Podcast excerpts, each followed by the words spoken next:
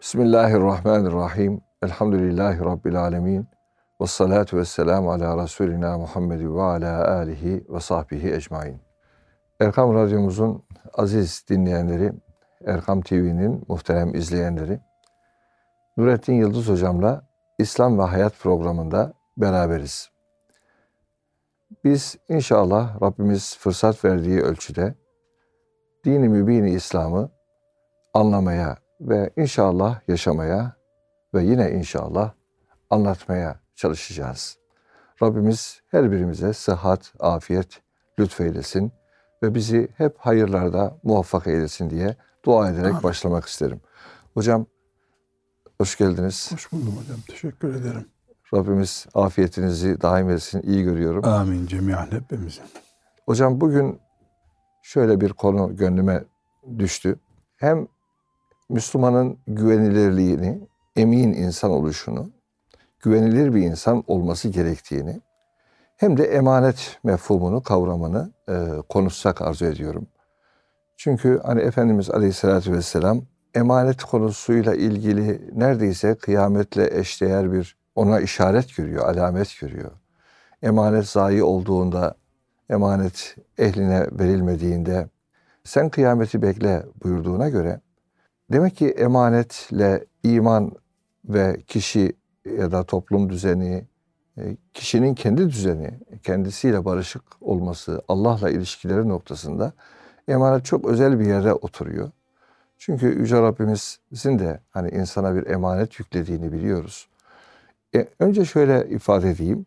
Şu emanet kavramını, kelimesini hocam şöyle bir çerçevelesek mümkün mü çerçeveye içine almak? Onu da bilmem ama ne dersiniz? Bakalım hocam. Bir bakalım. Bismillahirrahmanirrahim. Bir kavramın küçük bir kalıba konması o kavrama yani eziyetten başka bir şey değil. Namaz deyince sadece cenaze namazının akla gelmesi ne kadar yanlış, zulümse o kavrama, emanet deyince de ya ben şu çantamı tutar mısın beş dakika gidiyorum diye emanetin sadece bir para, bir cüzdan, işte araba sana veriliyor gibi eşyadan ibaret zannedilmesi de namaz denince cenaze namazının anlaşılması kadar zulüm olur. Emanet yerlerle göklerle ilgili bir konu. İnsanla ilgili bir konu. Tabiatla ilgili bir konu. Mesela bir bahçe bir insana emanet aslında.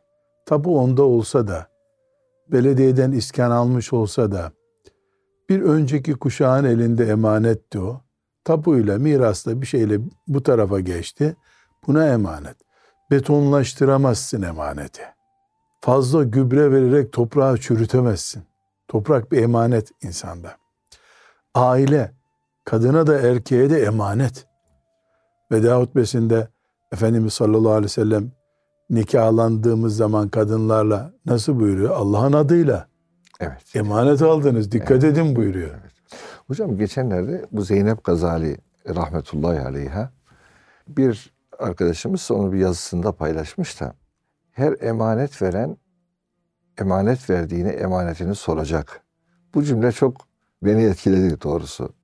Geri isteyecek emaneti. Adı evet, üstünde emanet evet. geri isteyecek. Geri istenecek ve nasıl baktı, nasıl ettiyse o da sorulacak. Çocuklar mesela biz doğurduk diye öyle bir görkemli konuşuyoruz ki biz doğurduk. allah Teala'nın emaneti. Efendimiz sallallahu aleyhi ve sellem elimizin altında imzamıza bağlı iki dudağımız arasında ne varsa tamamı için bizi ne olarak tarif ediyor? Çobansınız diyor. Çobansınız diyor. Çoban kaba bir kelimedir, serttir, o ayrı bir mesele. Hepiniz çobansınız. Evet. Hepiniz ama kadın, erkek, ihtiyar bir babaya, anneye karşı çocuk da çoban. Evet. Yani allah Teala kimin avucuna bir şey koyduysa nimet olarak o bir emanettir onun elinde. Çünkü insan fani. Evet. İnsana sunulanlar da fani. Fani birisi patron olmaz aslında. Yer, gök, mülk her şey Allah'ın. Canlar Allah'ın, nimetler Allah'ın. Kul sadece emanetçi duruyor. Bu emanetler nelerdir sorusunda önce buraya bir çıkış yapmamız lazım. Evet. Namaz deyince cenaze namazını anlamıyorsak eğer, ya olur mu ya cenaze namazı üstelik de secdesi rükû yok. En, en küçük namaz o. Nasıl diyorsak emanet deyince de işte bu valiz sende dursun mu bir gün ya da arabanı verir misin emanet o noktayı anlamamamız lazım. En kolayından başlıyoruz orada bitiriyoruz olur. Aksi takdirde binaenaleyh emanet dinimiz Allah'ın bizdeki emaneti aile bizdeki emanet mal üzerimizde emanet bu emanetler Allah'la bağlantılı olan emanetler olarak saydık bunları. Bir de bizim insanlar olarak birbirimize emanet ettiğimiz şeyler var. Bu asırda zannediyorum en büyük emanet çok değerli bir arabayı üç gün bana vermesi değil. Bir sözü bana emanet etmesi bir insanın. Ha, söz de emanet. Söz mi? emanet. Meclis emanet değil mi hocam? Aile sırrı emanet. Mahremiyet konuları bir emanet. Mesela meşhur hadis-i şerifinde Efendimiz sallallahu aleyhi ve sellem kıyamet günü Allahu Teala üç insanın yüzüne bile bakmayacak, hesaba bile çekmeyecek onları buyurduğunda bir tanesi eşiyle olan ilişkilerini, yatak odası mahrem ilişkilerini ifşa eden insan buyuruyor. Çünkü yatak odası mahremi ne dair konular en ağır emanetlerden birisi. Evet. Bunlar bir daha nerede anlatılabilir? Yani büyük bir mahkeme kurulur. Filan dava olur. O yatak odasından kaynaklanan zulümler ortaya çıkmış olur vesaire. Hakime, kadıya anlatılır bunlar. Arkadaş muhabbetinde bunlar ifşa edildiğinde en çirkin boyutuyla emanet e, teşhir edilmiş olur. Söz emaneti, sır emaneti, ahlak emaneti. Bunlar hep emanet bizde. İnsanların onuru en yüksek emanetlerden birisi. Bir Müslüman mesela bir ayıbını biliyorsunuz bir Müslümanın. allah Teala'nın örttüğü bir şeyi deşifre ediyorsunuz. Bilhassa sosyal medya zamanında bu tür emanetler artık hiçbir değeri olmaz. Hiçbir değeri yok. İsteyen bir enter tuşuna bastın mı her şey serbest noktasına geldiğinde bizim Müslümanlar olarak bu emanet mefhumunu yeniden e, öne çıkarmamız lazım. Göz emaneti diye bir emanet var. Yani ben gördüğüm her şey bana bir emanettir aynı zamanda. Her yerde anlatamazsın yani tabii. Yani gördüğümü benim bile inkar etmem lazım. Görmedim demem lazım. Başka bir emanet boyutu insanlarla ilişkisi olduğu noktaya geldiğimizde memurluktur. Memurluk. Yani evet e, küçük bir kasabada filan işleri yazan bir memursun ama e, bu ülkenin çocuğu olduğunda 84 milyon insanın gözü sende, kulağı sende gibi kabul etmen lazım. Memurluk bu manada akıllıca bir şey değil yani. Çünkü bir Ahmet sana bir çantasını emanet veriyor.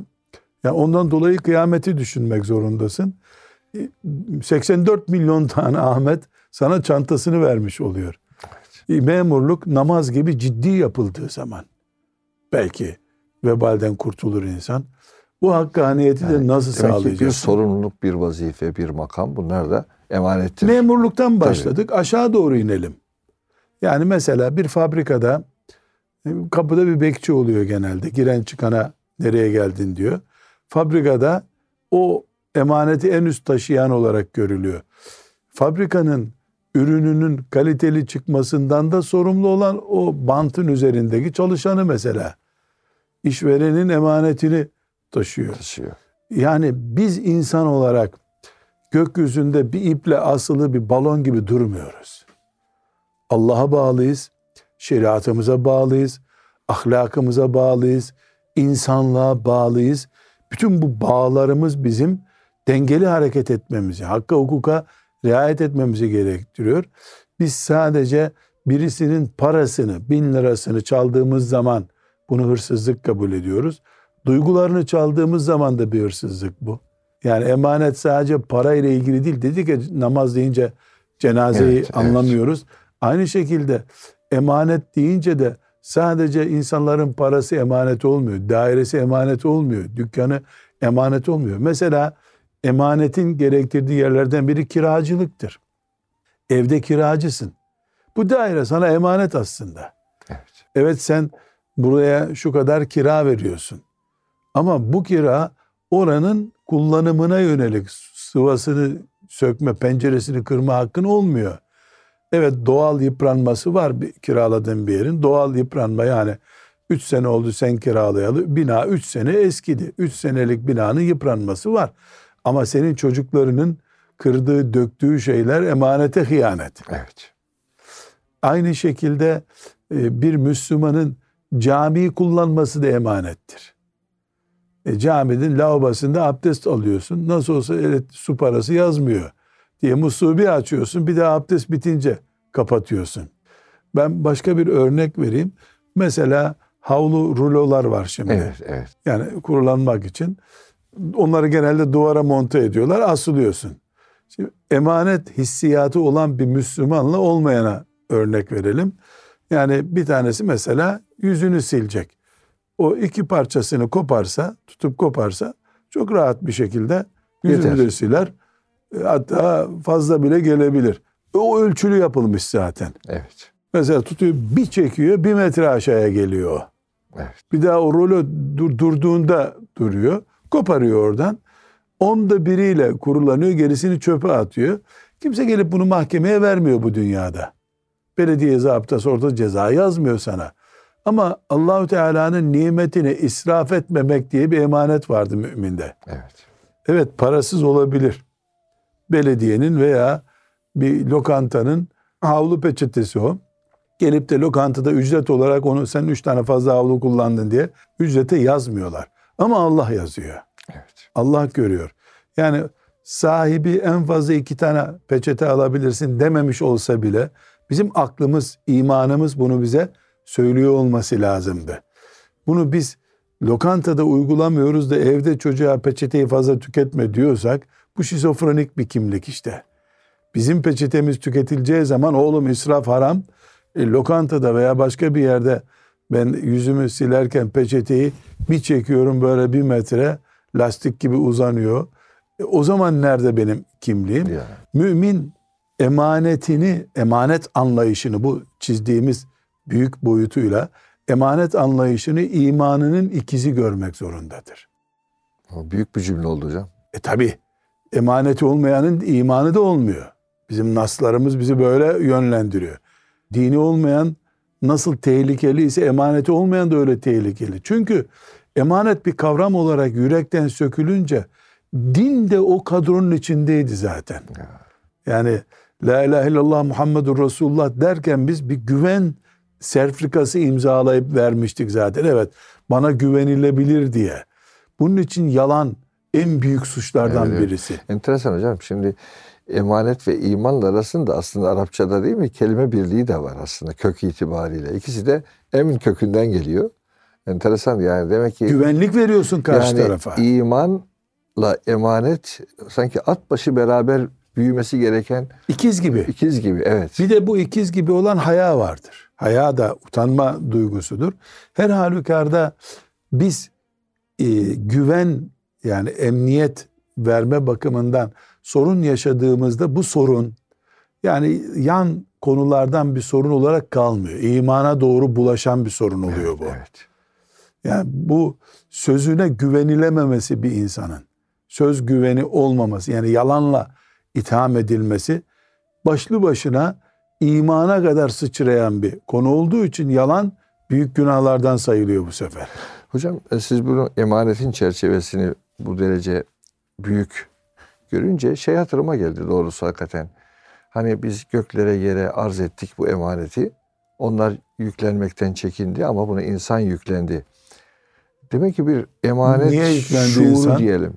Evet. Yani o zalum. Salih insan cahil, insan böyle fevri hareket ettiği için yerler gökler bizden akıllıymış belki. Evet, evet. Yani oradaki emanetle ilgili malumunuz tefsirlerde çok şeyler söyleniyor ama sanki Ahdullah de hocam. nasıl efendim? Ahd Allah'tan bize Evet. gelen mesaj. mesaj ve şu sorumlulukların hepsi yani aslında bu emanet duygusu ve şuuru o mükellefiyet o sorumluluk şuuru e, ya da idraki diyelim Cenab-ı Hak onu idrak edebilecek bir ikramda bulunmuş ama insan emaneti demek ki zayi ediyor çoğunlukla ki Yüce Rabbimiz zalim diyor, cehul diyor. Yani insanın karakterinde bu var. Müminlik ne peki? Bütün bu bünyede var olan cahilliğe, inada karşı iyi tarafta dirençli olmak demek. Aynı zamanda insan ölümcül. Yani fani insan yaşamak için ne kadar mücadele ediyoruz değil mi? Bizi bastırmaya çalışan ölüme, hastalığa karşı yani 90 yaşındayken de direniyor insan. Ölmemeye çalışıyorsun. 100 yaşında da olsan ölmemeye çalışıyorsun. Yani aynı şekilde bizim manevi hayatımız olan ahlakımız, dinimiz, insanlığımız ve o bünyenin içinde bulunan emin olma vasfımız kesinlikle hangi şartta olursa olsun bizim direnerek yaşatmaya çalışmamız gereken bir yapımız olması lazım. Aksi takdirde yani insan olmanın da içini dolduramayız. Müslüman olmanın da içini dolduramayız. Ben burada çok e, dikkatimi çeken, umuyorum kardeşlerimizin de evet bu dikkat çekiyor diyeceği bir şeyi zikredeceğim hocam. Kur'an-ı Kerim Resulullah sallallahu aleyhi ve selleme muhatap olmak durumunda olan Mekkeli müşrikleri, cahiliye adamı yani cahil kafalılar Evet. olarak itham ediyor. Siz ve tapındıklarınız cehennem kütüğüsünüz diyor. Yani cehenneme odun Uzun diyor. olarak değil mi? Kur'an genel vasfı bu Doğru, değil mi cahile? Ve bunlar öyle 15 günlük bir grev yapmış bir kadro da değiller. Yani bir nesil böyle geldi. Kim bilir iki asır, üç asır öyle bir cahiliye hayatı yaşadılar. Fakat hocam sizin de siret okurken dikkat etmişsinizdir. Gerek Peygamber aleyhisselam efendimizle konuştuklarında, gerek kendi aralarında bir kere evet veya hayır diyorlar. Yani tamam dediyse onu bir daha geri almıyor sözünü. Evet. Mesela e, başta Ebu Talip olmak üzere o belli başlı müşrikler hadi hadi tamam olsun öyle idare ederiz gibi bir tavıra girmiyorlar. Girmiyorlar. Evet. Ağzından çıkan söze köle oluyor. Evet dediyse evet. Ben bir kere evet dedim diyor. Evet. Mesela işte Efendimiz sallallahu aleyhi ve sellem Taif'ten dönüyor bir müşriye değil mi? O da insanlık gereği merhamet ediyor içinden. Tamam diyor. Tamam diyor. Ya geliyor hayatını ortaya koyuyor. Ben Muhammed'e tamam dedim diyor. Halbuki bu öldürülme riski taşıyor. Sen nasıl bizi sattın denecek ona. Ben Muhammed'e tamam dedim bir defa diyor. Şahsiyet meselesi görüyoruz değil mi? Yani Çok o önemli bir şey. şu emanet dediğimiz şey sözümüzün senet olma gücü. Evet. kulağımızın ayarlarının hep güvenli tarafta olması, gözümüzü gördüğümüz şeyi bizim ipoteğimiz altına veyahut da garantimiz altına alabilme kabiliyetimiz bugün o kadar zayıfladı ki cehennem kütüğü adamlar konuştular mı ona çok benim hayretime hep muciptir bu. Yani bir kere konuşuyor adamlar. Mesela bana şifreni ver, şifrele telefonu filan demiyorlar. Yani bir kere tamamsa tamam diyor. O sözünden dönmüyor. Dönmeyi insanlığına yakıştıramıyor. Yani bunlar çocuklarını diri diri gömmüş vahşi adamlar. Evet. Yani vahşetin zirvesinde adamlar. İman edenleri sahabi oldu. Tertemiz oldular. Yeni hayata kavuştu. Öbürleri mesela delikanlı adamlar. Yani bir işe yaramadı kıyamet günü bu ama bugün e, biz Müslüman nesil olarak ağzımızdan çıkan sözleri, kulağımıza taşınmış sözleri em- e, güven açısından, emniyet açısından yani onların düzeyinde bile tutamıyorsa oturup Evet. yani ciddi lazım. ciddi tefekkür etmemiz lazım. Yani biz e, söz güvenliğimiz mesela. Bu söz bir kere bana söylendi. O hocam e, buyurduğunuz gibi mesela o beyatlerde de öyle değil mi? Resulullah Aleyhisselatü Vesselam'a Tamam, diyor. dedi Elini uzatıyor bit- bitiyor. Bitti yani. Hatta Abbas Efendimiz amcası ne diyor o zaman radıyallahu anh? Yani bu adam sizin başınızı belaya sokacak ona göre imza atın buraya diyor değil mi? Evet, evet, evet. Ya çok korkunç bir şey hocam. Niye söz verdiğinizin farkında mısınız diyor ama onlar da farkındayız sonuna kadar diyor. Ama Efendimiz Adeta. sallallahu aleyhi ve sellem de onlara güveniyor. Tamam Tabii. bana söz verdiler diyor. Onlar da Peygamber aleyhisselama güveniyorlar zaten emin Muhammed diye Evet. onu biliyorlar. Bugün üstadım e, yani tabiat bozuldu. işte petrolümüz azaldı. Her şeye zam geldi. Üzülüyoruz da ya söz gücümüzü kaybettik biz. Ya. Kulaklarımız itimat edilir kulak olma özelliğini kaybetti. İmzamızın bir değeri yok. Bu bunlar kayıp olarak emin ol ozon tabakasının delinmesinden daha büyük kayıplar bizim bunlar. Hocam biraz insanlığın çürümesi diyelim değil mi aslında? İnsanlık genel anlamda söylemiyorum. İnsaniyetin anlamında söylüyorum. İnsaniyetin çürümesi anlamına geliyor. İnsandaki emanet duygusu kayboldukça o çürümeyi ve zafiyeti ortaya çıkarıyoruz. Evet hocam e, isterseniz kısa bir nefes alalım. Dinleyicilerimize de bir fırsat vermiş olalım. Kısa bir aradan sonra aziz dostlar inşallah emanet konusuna devam edeceğiz. İnşallah. Erkam Radyomuzun aziz dinleyenleri Nurettin Yıldız Hocam'la İslam ve Hayat programında emanet meselesini konuşuyoruz. Hocam biraz önce birinci bölümde e, her şeyin emanet olduğu işte malın, evladın, ailenin, e, makamın, her şeyin e, efendim emanet olduğu üzerinde durduk. Sanki şöyle bir demek ki hocam sahibiyet, malikiyet dediğimiz ben onu her şeyiyle bana ait ben istediğim gibi kullanırım, istediğim gibi tasarrufta bulunabilirim. Böyle bir yetkimiz de çok fazla yok o zaman. E, Var olduğuyla oyalanırız. Oyalanırız. Kim, Esasen kimi inandıracaksın ki yetkin evet, olduğunu. evet, evet.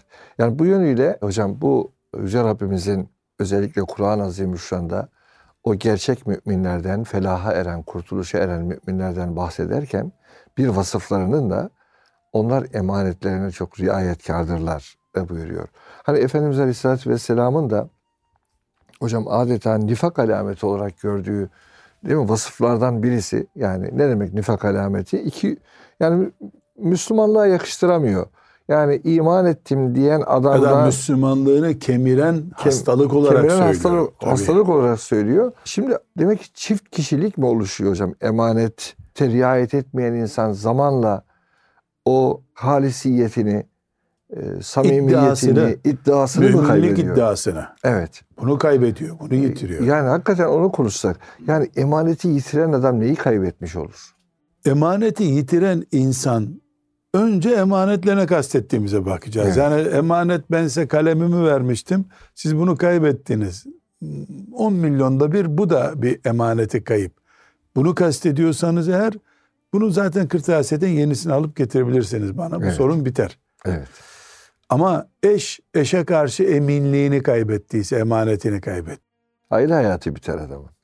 Değil mi hocam? Özellikle aile hayatında güven dediğimiz mesele değil mi hocam? Yani Aile biterse ne biter? her şey biter. Huzur biter. Çok şey biter.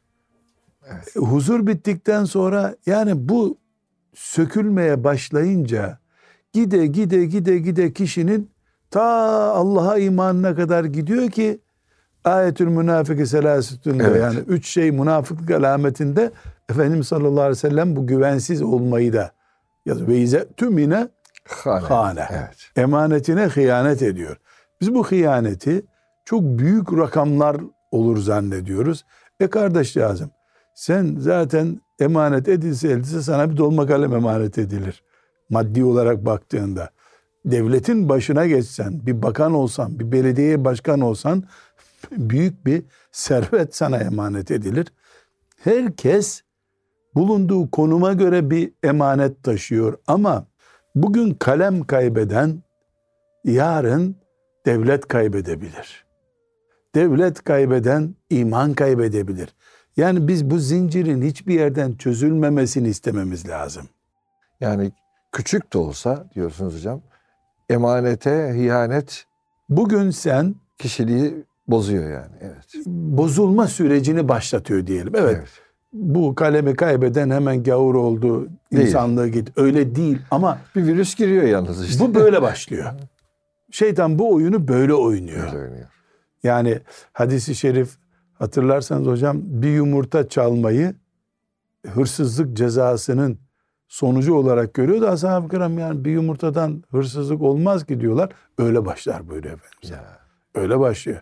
Yani demek ki çocuk arkadaşının kalem tıraşını, kalemini sınıfta çaldığı zaman bu süreç başlıyor aslında. O 20 sene sonra da banka soyuyor işte. Veya caminin halılarını soyup kaçıyor.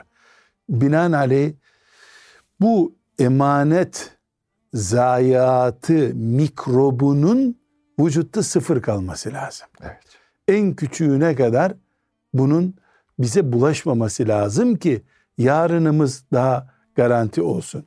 Aksi takdirde hiç kimse bilerek dağdan düşmüyor yani bu en tepeden atılmıyor kimse.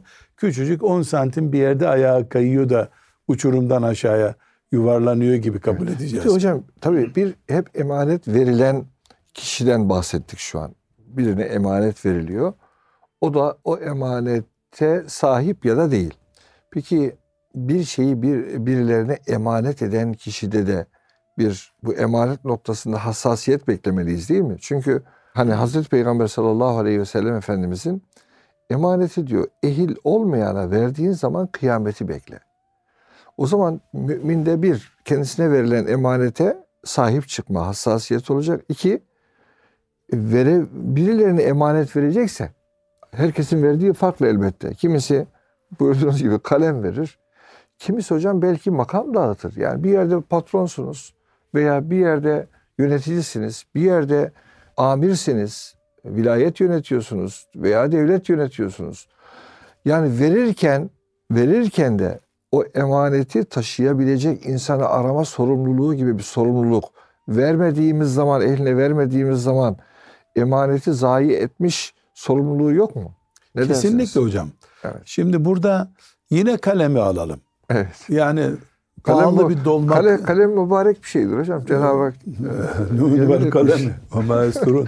kalemi yani pahalı bir dolma kalemi yazıyı yeni öğrenen çocuğa vermek emanete hıyanet edin. Mal emaneti bu. Sandığa gidip oy kullanırken de bu emanet hissi sende olması lazım. o da var tabii. Hocam bir kalemle bir oy arasında benzerlik bile yok yani. Bir oy bazen bir ülkenin geleceği olabiliyor. Evet. Ve senin bu şahitliğin anlamına geliyor. Her Müslüman bir sandıkta, kooperatif sandığında diyelim mesela kooperatife başkan seçiyoruz diyelim. Veya köyümüze muhtar, Muhtar seçiyoruz seçiyoruz, diyelim. Oy kullanıyoruz. Bu ne anlama geliyor? Ben bu oyla desteklediğim kişinin Allah katında ve insanlık nezdinde ehil olduğuna şahidim diyoruz. Evet. Yani oy vermek bir şehadet çeşidi. Dolayısıyla yarın kooperatif iflas ettiğinde herkes verdiği oy kadar ondan mesul olacak. Yani biz bir kişi seçtik ama bir kişiyi biz alttan kaldırıp oraya getirdik gibi. Camide namaz kıldıran imamı oraya tayin etmekte emaneti birine vermek. Yani mihrap bir emanet. Kız evlendirirken, erkek evlat evlendirirken, damat bakarken veya gelin bakarken benim kızım benden istenirken benim oğlumu ben referans olarak kendimi ortaya koyup e, çıkardığım zaman birisinin önüne bütün bunlar hepsi ağzımızdan çıkacak sözlerin elimizde atacağımız imzanın kıyamet günü hesabını vereceğimiz şeyler olacağına düşüneceğiz. Hocam bazen mesela vakıflarda, derneklerde efendim e, zaman zaman tabii emanetler var sizlerde. Hayır emaneti var. Müessese emaneti var. Diyorlar ki şu yurdu size veriyoruz. E, Bunu e, inşallah ümmetin geleceğine yetişecek insanlar için kullanın diyor mesela. Siz onun başına öyle bir adam atıyorsunuz ki vakıfta yöneticisiniz. O binanı binayı yeterince değerlendiremiyor.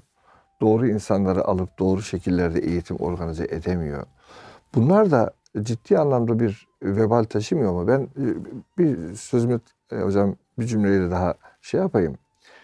Bugün hasbelkader bir sivil toplumda da malumunuz Vilayi Vakfımızda da bulunuyorum.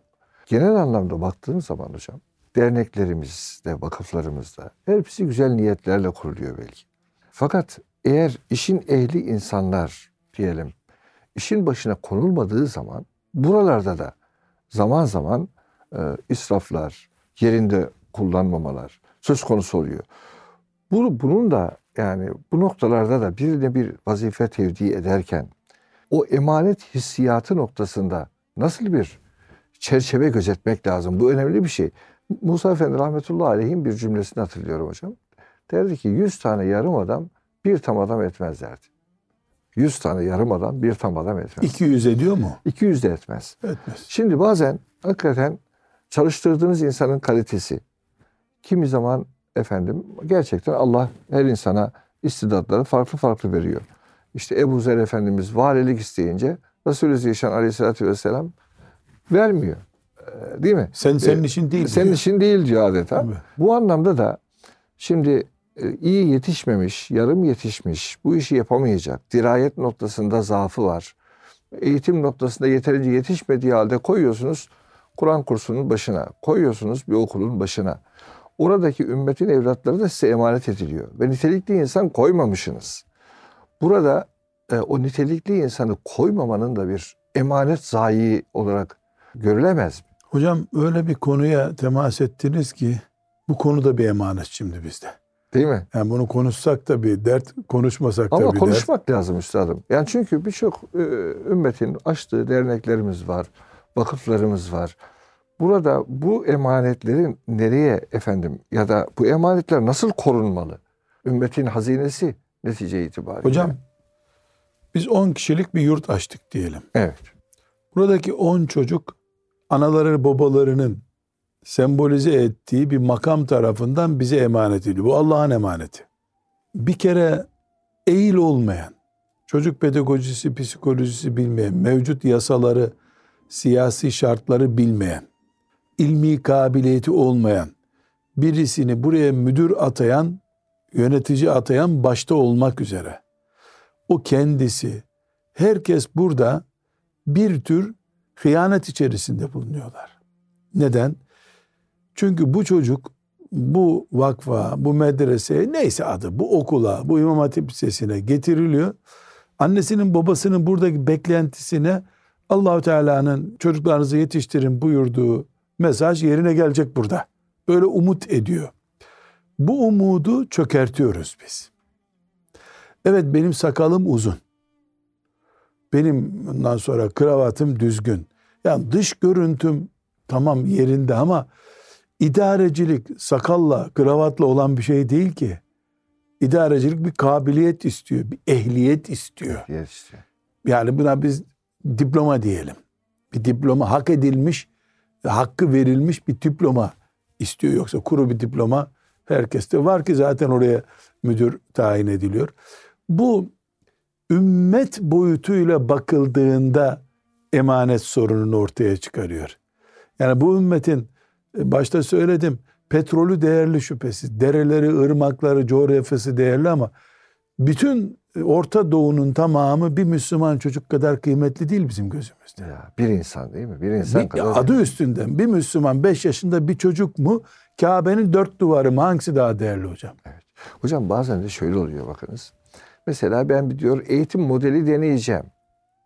E ne yapacaksın kardeş? İşte 10 tane delikanlı alacağım. Onları şöyle eğiteceğim. Bir peki sen eğitimci misin? Yani pedagojiden ne kadar anlıyorsun? Bunu tek başına sa- istişare etmeden, konuyu araştırmadan bir insanın 5 yılını alıyorsun diyelim orada. 5 yıl kobay kullanıyorsun. Kobay kullanıyorsun. Kobay kullanıyorsun. Yani bu, bu nasıl bir vebal hocam ya değil mi yani? Ee, insan korkup titremesi gerekmiyor mu? Yani bir takım hakikaten tamam belli sistemlerin hani ortaya koyduğu eğitimde yanlışlar herkesin yanlışları olabilir. Bilerek de kimse yanlış yapmaz ama ille inat ediyorsun bu böyle olacak diyorsun ve istişare de etmiyorsun. Ve o sana güvenen insanların yavrularının e, tabiri caizse kabiliyetlerini sıfırlıyorsun. İnsan zayi ediyorsun. Yani bu- çok büyük bir emanet zayi değil midir? Belki de en büyük emanet zayi. Yani nesil zayiatı bu. Biz bu zayiatın bedelini yani mesela hilafetli yıllarımızda da ödedik. Yani hadi Evet. şimdi zor durumdayız. Hilafetli yıllarımızda da ödedik. Yani ilim veyahut da bilim iki türlü kullanalım kelimeyi. İnsanoğluna belli şeyler öğretiyor. Bu öğrettiği şeylerden mahrum kimseler, insanlığın tecrübesinden mahrum kimseler kesinlikle vebal altında kalıyorlar. Yani çocuk bir emanet, camide cemaat bir emanet, hastanede hasta doktora emanet, hemşireye emanet, e, kooperatifte araziler e, veyahut da neyse ne e, bina kooperatifi ise oradaki yönetici emanet. Yani üstadım biz hiçbir yükümüz olmasa allah Teala'nın üzerimizdeki insanlık emanetinden ezilmemiz lazım. Birilerinin yükünü yükünü yükünü üstümüze almak çok da akıllıca bir şey değil aslında. Yani bütün imza yetkilerini, bütün kasaları kendisinde toplayan bir baba bile zorlukta kalır. Yani neticede e, Allahu Teala'nın emaneti bir eşin var. Allah'ın emaneti çocukların var. Allah'ın emaneti ebeveynin var. Burada bir problem zannediyorum üstadım. Mevcut yasalar nezdinde tabela astığım için bu tabela beni yasalara karşı güvenceye alıyor. E, bir, iki, kılık, kıyafetim, tipim, şöhretim, işte meşhur filan hoca efendi dendiği için o şöhretim bana bir güvence veriyor. Bu güvencelere aldandığımızı zannediyorum. Yani Allahu Teala tabelaya bakacak mı kıyamet günü? Değil mi hocam? Evet. Ya vakıflar müdürlüğü sana e, parafe etmişti. Güzel e, imzalarını güzel attın demişti. Diyecek mi melekler zannediyorum. Ben bir örnek zikretmek istiyorum hocam. Bir arkadaşımı ziyaret ettim yakın bir zamanda. 10 yaşlarına kadar bir çocuğu var. Laf açıldı. Arabadan laf açıldı. Türkiye'de yeni elektrikli araba yapılıyor gibi bir sözden. Çocuk laf aldı hocam. Sözü aldı. O arabanın özelliklerini anlatmaya başladı. Ben henüz dört tekeri olduğundan başka bir özelliğini bilmiyorum o arabanın. Bir anlattı. O filan Fransız arabasına göre filan modele göre şöyle üstünlüğü var filan. 10 yaşında. 10 yaş, 10 veya 11. Ben de espri olsun diye sözü değiştirmek için dedim ki e, mazotlu arabalar daha iyi değil mi dedim. Onların şu motorunun şu özelliği var filan bir anlattı.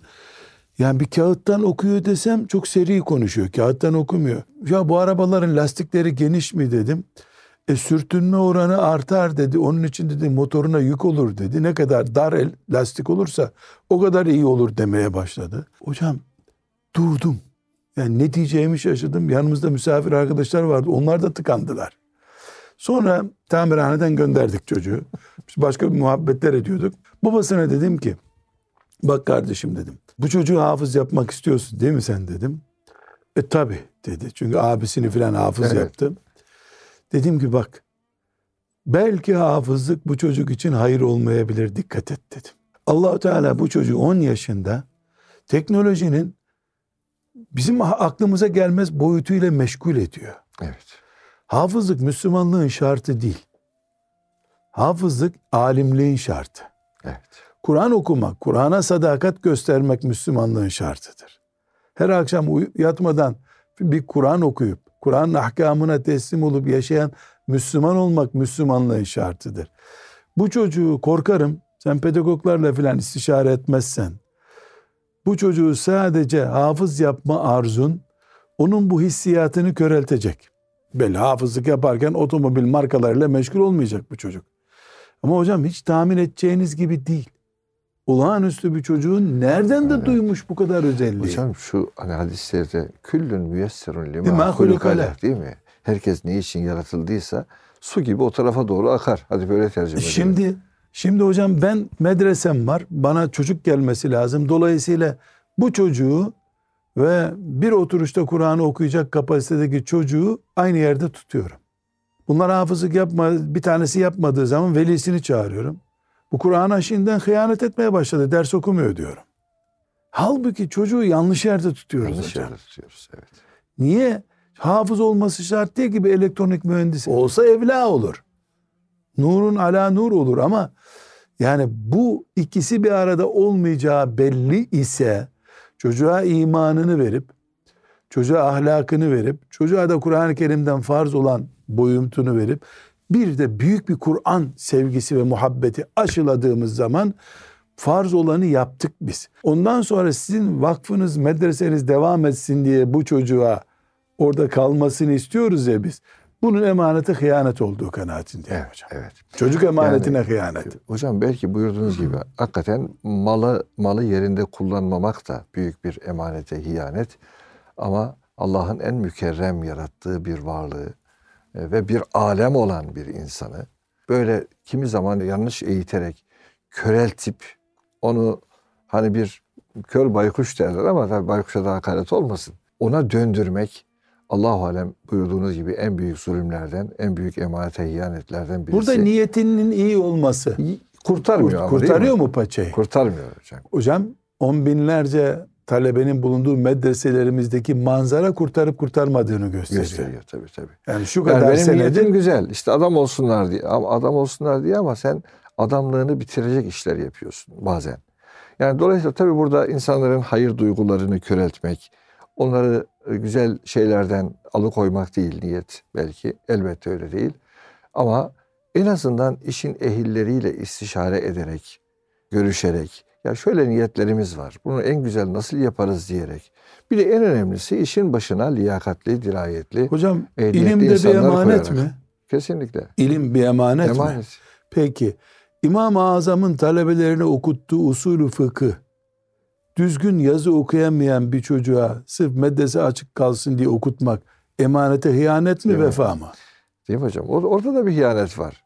Hani ilmi ehlinden saklamak nasıl efendim cürümse değil mi? İlmi ehli olmayana vermek de öyle bir En tuhaddisehu bi gayri ehli. evet. Yani hocam bugün bazı medreselerde yani ilmihal konusunu bile zor okuyacak zeka ve fıtrata yani geri Evet. zeka manasında fıtrat yapısı olarak, kabiliyet olarak uygun olmayan birisi Molla Hüsrev okuyor. Okuduğunu zannediyor. Evet. E Molla Hüsrev adı Molla diye yani ikinci sınıf bir kitap değil ki. Değil tabii. Yani İmam-ı Azam kitaplı dönemde yaşasaydı Molla Hüsrev'i Ebu Yusuf'a ders olarak okuturdu herhalde. Bir de hocam şöyle oluyor hakikaten.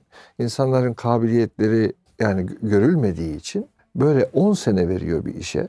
Ömürden bir 10 sene gidiyor. Artık bu insana siz bir meslek öğretemiyorsunuz. Başka bir alanda da beceri veremiyorsunuz. Yani bir ömür o insan bazen topluma yük olarak Silahsız terörist o hocam. ya Silah kullanmayan terörist o.